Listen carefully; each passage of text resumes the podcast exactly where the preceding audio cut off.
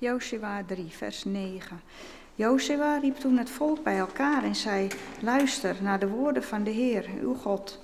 En hij vervolgde: U zult merken dat de levende God in uw midden is en beseffen dat Hij het is die de Kanaïten, de Hethieten, de Shiwieten, de Amorieten en de Jebusieten voor u op de vlucht zal jagen. De ark van het verbond met de Heer van de, van de hele aarde gaat immers voor u uit, de Jordaan in. Nadat het hele volk de Jordaan was overgetrokken, zei de Heer tegen Jozua: Kies nu twaalf mannen, één uit elke stam. En zeg hun dat ze van de plaats waar de priesters in de Jordaan staan, twaalf stenen moeten halen. Die moeten ze meenemen en in het kamp leggen waar ze vanaf deze nacht zullen verblijven. Jozua liet twaalf mannen aanwijzen, één uit elke stam van Israël. En nadat hij hen bij elkaar had geroepen, zei hij tegen hen: Ga voor de ark van de Heer, uw God, de Jordaan in. U moet allemaal één steen op uw schouders nemen, één voor elke stam van Israël. En ze zullen een gedenkteken voor u zijn. Wanneer uw kinderen later zullen vragen wat die stenen betekenen, dan moet u ze vertellen dat het water van de Jordaan werd tegengehouden door de aanwezigheid van de ark van het, verbond, van het verbond met de Heer. En vertel ze dat toen de ark de Jordaan inging, het water werd afgesneden en dat deze stenen daarvan voor Israël een eeuwig gedenkteken zijn. Nu dan, vervolgde Jozua, eerbiedig de Heer, dien hem met onvoorwaardelijke trouw en doe de goden weg die uw voorouders ten oosten van de Eufrat en Egypte hebben gediend. Dien alleen de Heer. Wanneer u daar niet toe bereid bent, kies dan nu met wie u wel wilt dienen. De goden van uw voorouders ten oosten van de Eufraat of de goden van de Amorieten, van wie u nu het land bewoont. In ieder geval zullen ik en mijn familie de Heer dienen. Hierop antwoordde het volk: Het is verre van, het is verre van ons de Heer te verlaten om andere goden te dienen. Hij is het, de Heer, onze God, die ons en onze voorouders uit de slavernij in Egypte heeft bevrijd. Hij heeft grote wonderen voor ons verricht. Dat hebben we met onze eigen ogen gezien. Hij heeft ons op onze hele tocht beschermd tegen alle volken waarvan we het gebied doortrokken. De Heer heeft ze allemaal voor ons verdreven en ook de Amorieten die vroeger in het land woonden. Natuurlijk zullen wij de Heer dienen, want Hij is onze God. Hoe kijkt u, hoe kijk je terug op het afgelopen jaar? Heeft het je veel vreugde gebracht of verdriet? Vaak van allebei wel wat, hè? Er kunnen belangrijke gebeurtenissen in je leven hebben plaatsgevonden. Misschien heb je wel afscheid moeten nemen van iemand. Misschien heb je een nieuw leven mogen verwerven. Succes gehad op enig gebied? Of meer tegenslag en teleurstelling ervaren?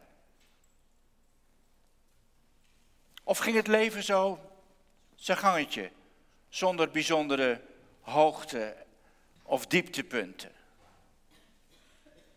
Hoe het ook is geweest dit jaar, als je terug kunt kijken en kunt vaststellen, God was erbij, dan ben je een gezegend mens. Dan heb je Gods trouw ervaren. En dat gunnen wij elkaar toch?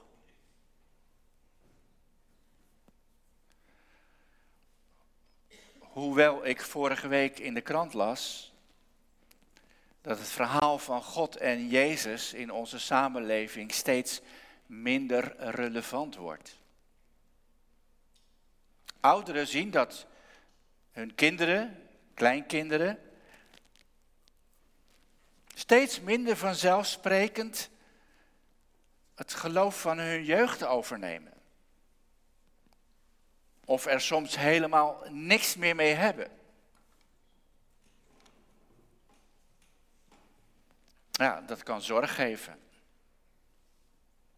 Hoe zal het over tien jaar zijn? Wij staan op de grens van de overgang van oud naar nieuw. Dat is een kalendergrens, hè, van, van 23 naar 24. Maar in 2024 gaan wij misschien wel meer grenzen over van oud naar nieuw. Denk aan de situatie van onze gemeente. Denk aan dit kerkgebouw. We kunnen een grens overgaan van vakant zijn naar het hebben van een eigen predikant. We kunnen een grens overgaan van uh, het bezitten van een kerkgebouw vanaf 1862, hè, naar het huren van iets wat niet meer van ons is. Dat zal vreemd zijn. En hoe kijk je dan terug op al die vele jaren waarin hier hoogte- en dieptepunten zijn beleefd? En waarin steeds Gods trouw mocht worden ervaren. Straks betreden we een nieuwe werkelijkheid. Alsof we aan de grens staan van nieuw land. Dat is het bruggetje naar het Bijbelverhaal. Zoals ook de Israëlieten aan de grens stonden van het oude bestaan in de woestijn naar een nieuw leven in Canaan. Hoe zullen zij hebben teruggekeken op die 40 woestijnjaren? Die waren bepaald niet makkelijk. Ze hadden van alles meegemaakt. Mooie dingen, maar ook grote moeite. Honger, ontbering, veel sterfgevallen. Zelfs oorlogen moeten vieren. Kansen niet benut. En dan denk ik aan die keer dat ze het beloofde land in mochten, maar niet wilden. Ze zagen te veel gevaren. En ze hadden niet het vertrouwen op Gods leiding. Maar overal terugkijkend passen maar één conclusie en dat is, de Heere God was er altijd bij. Hij is zijn volk trouw gebleven. Toos heeft ons voorgelezen dat ze het land Canaan binnengingen. Door een wonderlijk ingrijpen van God was dat gebeurd. Terwijl de priesters met de ark, het teken van Gods aanwezigheid, terwijl de priesters met de ark in het midden van de rivier moesten gaan staan, blijft het water weg en ontstaat er een doorwaadbare plaats, een pad door de rivier Jordaan heen, waardoor ze naar de overkant kunnen, het hele volk. Dat is dus weer een waterwonder. Net als die keer dat ze uit Egypte werden bevrijd en door de Rode Zee gingen. Nu ook. En als dan het hele volk aan de overkant is, dan geeft de Heer Jozua de opdracht om een monument op te richten. Twaalf grote stenen op het land. Elke stam van Israël moet één steen bijdragen. Ieder zijn steentje bijdragen, zou je zeggen. En even verder dan onze tekst lees je dan ook nog dat Jozua zelf ook zo'n monument neerzet in het midden van de rivier, in de bedding dus. Waar nu nog die priesters staan. En waarom? Waarom die steenhopen? Ja, waarom richten wij monumenten op? Om dingen niet te vergeten om te herinneren, om te gedenken. Zo zijn er heel veel oorlogsmonumenten, ook in ons land. En monumenten van belangrijke personen die grote daden hebben verricht. De vroege kerk deed dat ook heel veel. Beelden neerzetten. Zendelingen, Willibrord, Bonifatius. Beelden van het kruis met of zonder Jezus. De Roomse kerk kent ook nog een vorm van beeldenverering.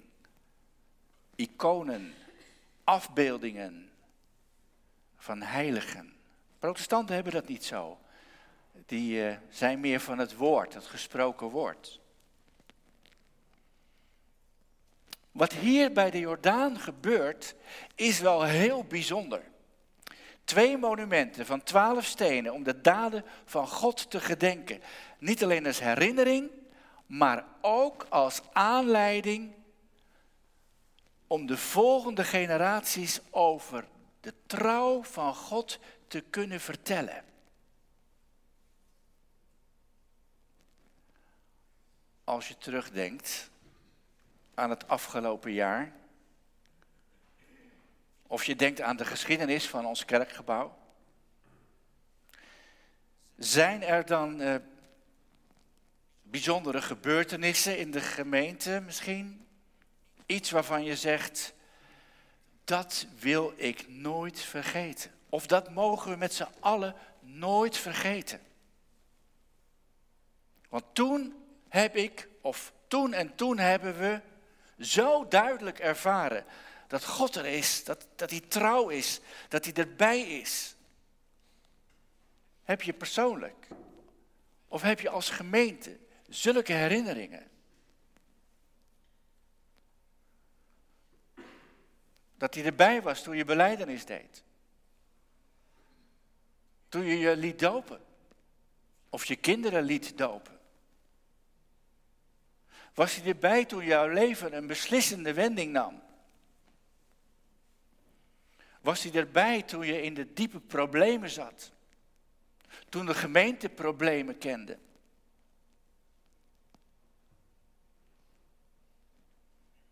En als je dat niet weet, of dit soort ervaringen zelf nog niet kent, dan heb je misschien toch in het leven van andere mensen in de gemeente dat wel gezien, dat God er was. Bij je ouders. Ik hoop het voor je. Elders in de gemeente. Of daarbuiten. God ervaren, want dat wil toch iedereen?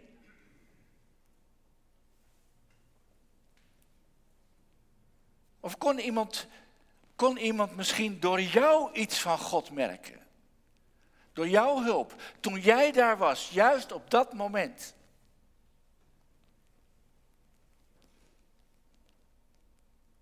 Wij eren de Heere God door voor al die gebeurtenissen kleine monumentjes op te richten voor zijn trouw. Om nooit te vergeten. Ja, hoe we dat kunnen doen, dat is heel verschillend. Dat kan natuurlijk heel letterlijk, zoals ik had laten zien daar straks. Er was een echtpaar dat hun 25-jarig huwelijksjubileum vierde. En ze wilden de Heer daarbij eren, omdat ze zo sterk zijn zegenende aanwezigheid hadden ervaren, ook bij ernstige ziekte. En daarvoor organiseerden zij een dankdienst. Dat was hun monumentje, hun steenhoop. En ze ontvingen als cadeau van een vriend, behalve een envelopje, een hoopje mooi op elkaar bevestigde stenen. Mooier nog dan ik gemaakt had. Met een glazen stolpje eroverheen. Een steenhoopje. Het heeft hun hele verdere huwelijk op de schoorsteen gestaan. Als een herinnering en een getuigenis van Gods goedheid en trouw. Goed.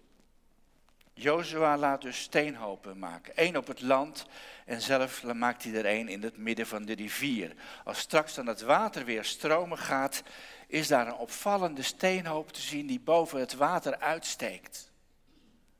Zo opvallend dat de kinderen er vragen over gaan stellen. En dan is er de gelegenheid om de kinderen iets te vertellen over de grote daden van God. Dat is de bedoeling. De volgende generaties laten weten wat God in je leven heeft betekend. Wat een voorbeeld voor ons.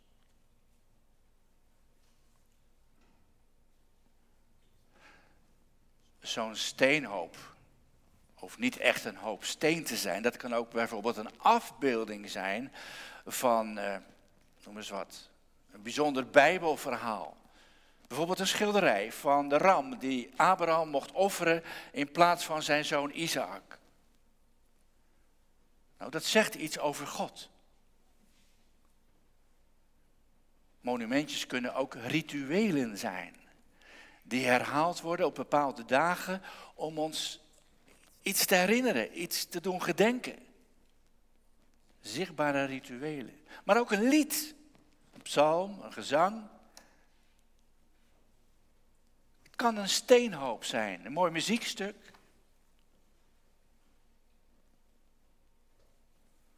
De muziek van Bach is een hele verzameling steenhopen van Gods goedheid en trouw. Hij eerde en eert nog steeds daarmee God. Steenhopen zijn uitstekende middelen bij je geloofsopvoeding.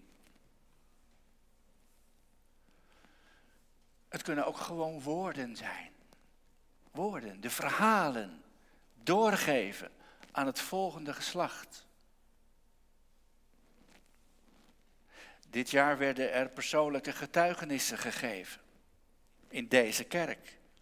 Michael, jij was een van degenen die dat deed. Dat maakte indruk. Mensen die vertellen wat de Heer in hun leven gedaan heeft. Geweldig om dat door te mogen geven. Aan de volgende generatie en elkaar daar ook mee te bemoedigen. Belangrijk trouwens, want Jozua, de leider, die is er straks niet meer, hè?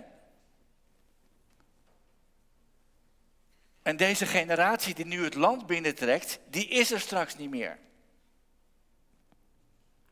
En dan moeten de grote daden van God uit de woestijntijd wel bewaard worden. Doorgegeven. En wij, lieve gemeente, wij zijn er straks ook niet meer. Ook ons wacht straks die laatste rivier om door te gaan. De rivier van de dood. En wat het is, is dan heerlijk dat je mag geloven dat in het midden van de rivier ook een priester staat. Wat zeg ik? De hoge priester staat. Met een hoofdletter, Jezus zelf. Zodat er door die rivier een pad komt, waardoor jij naar de overkant mag. Om thuis te komen bij God.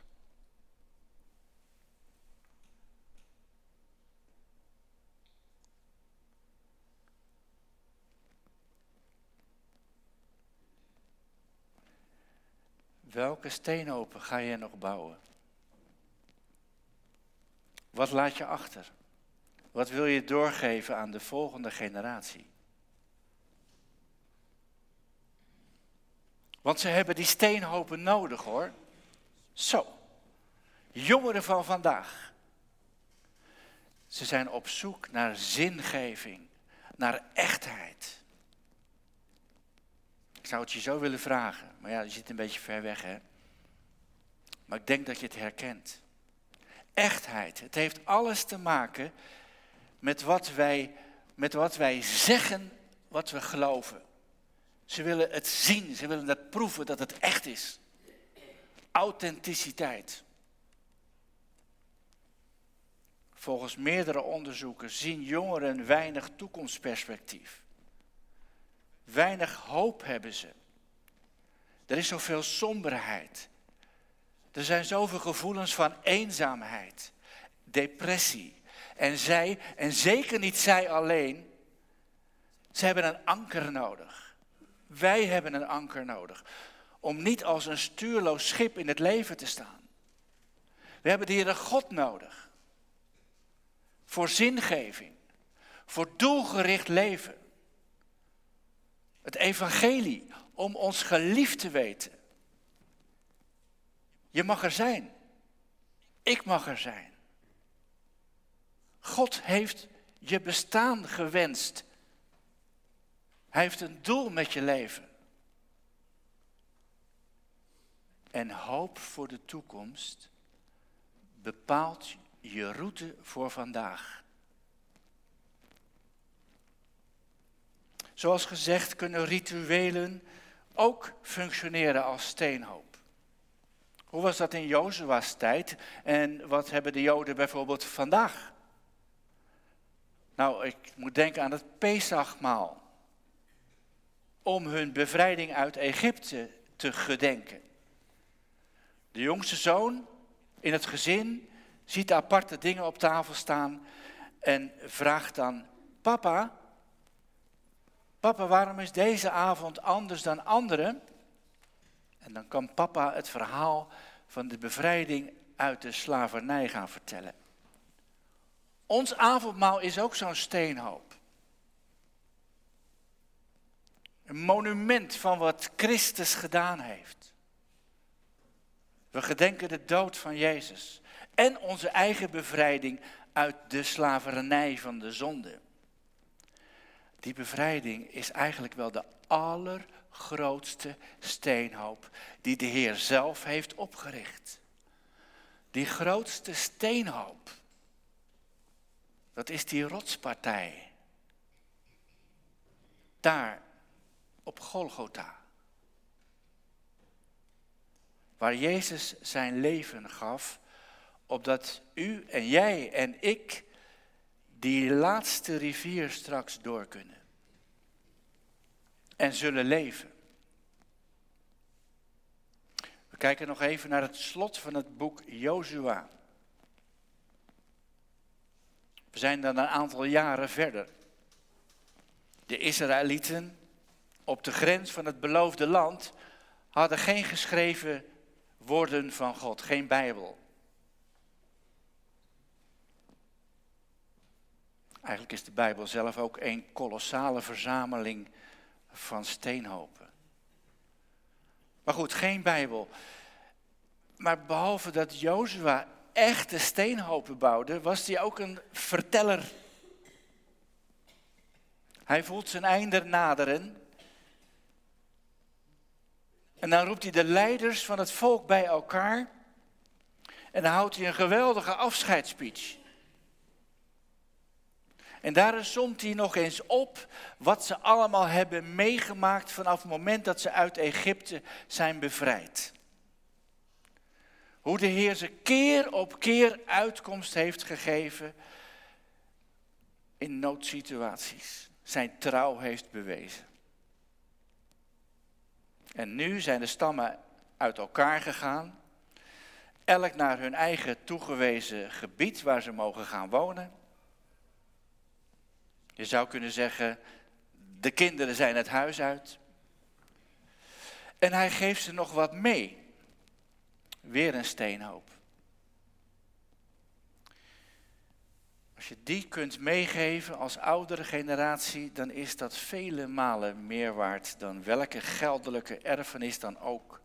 Een jubelton of wat ook. En aan het eind van zijn toespraak stelt Jozua ze dan voor de keuze. In de buurt wonen namelijk andere volken die nog steeds andere goden dienen. En dan zegt Jozua, kies nu wie jullie willen gaan dienen hier. De afgoden van Egypte of van de Amorieten of, of de God van je voorouders. De God van het verbond. De God van je doop. De God van je beleidenis. De God van je huwelijk. Ik en mijn familie, zegt hij, wij zullen de Heeren dienen. Wat kiezen jullie? En hij adviseert ze om de afgoden weg te doen. Maar hij laat ze wel vrij in hun keus. Hij dwingt ze niet. Weer een voorbeeld voor ons. Op een bepaalde leeftijd heeft dwang geen enkele zin meer. Dan kun je als ouderen alleen maar hopen en bidden dat de jongeren jouw steenhopen zich blijven herinneren.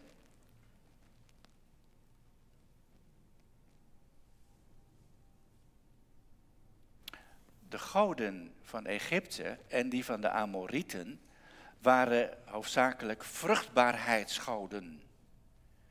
Die in die verschillende opeenvolgende culturen ook steeds verschillende namen hadden. Het zijn goden die eigenlijk universeel zijn. Wereldwijd werden ze en worden ze gediend. In steeds andere hoedanigheden en steeds andere namen. Goden van de vruchtbaarheid, van de welvaart, de goden van de economie, zeg maar. Van bezit, ook van gezondheid, voorspoed. Het was Dagon bij de Filistijnen. Het was Apophis in Egypte. Het was de god Freya bij de Noorse volken. Het was Baal bij de Canaanitische volken. Het was de god Demeter bij de Grieken. Het was de godin Ceres bij de Romeinen. En bij ons? Ja, hoe heten ze vandaag?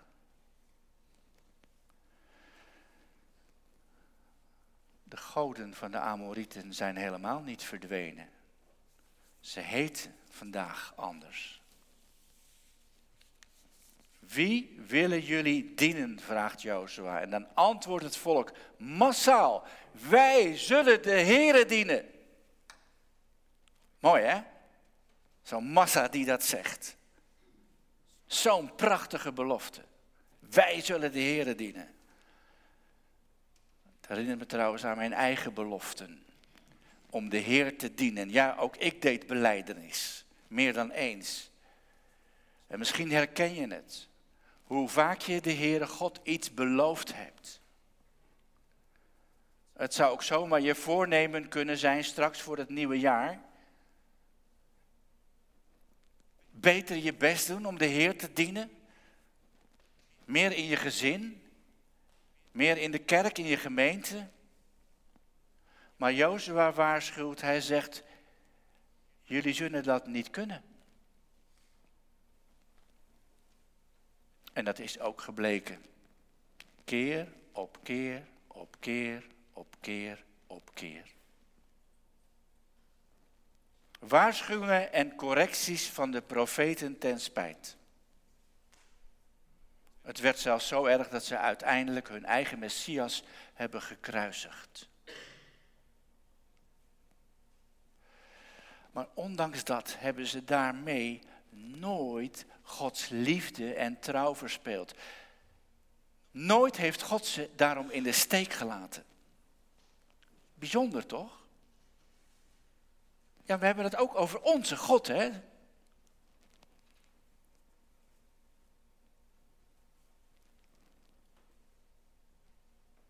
Van die God wil je toch meer weten? Die wil je toch dienen? De Heer hield zich aan zijn verbond. Hij heeft het beloofd. Het was en is een eeuwig verbond. De beloften vervallen niet als het volk hem in de steek laat. Dat is nog zo. Hoe je ook denkt over Israël vandaag de dag.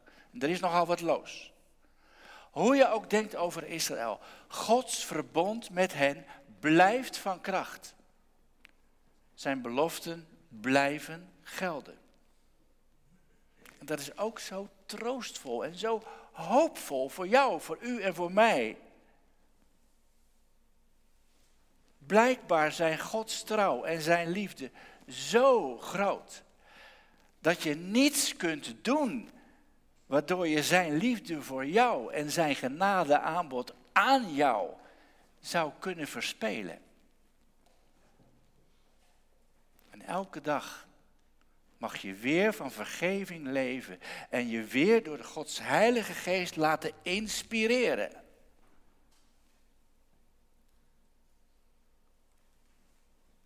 Dat heeft Jezus bereikt. Door onze straf op de zonde naar Golgotha weg te dragen. Ons negeren van God. Golgotha, dat kolossale rotsmonument, dat getuigt van Gods bewogenheid met deze gebroken wereld en met jou en met mij. Gemeente, laten wij straks het nieuwe jaar ingaan met het zicht op de steenhopen in ons leven en in onze gemeente. Maar boven alles met het zicht op die grootste steenhoop, daar net buiten Jeruzalem. Amen.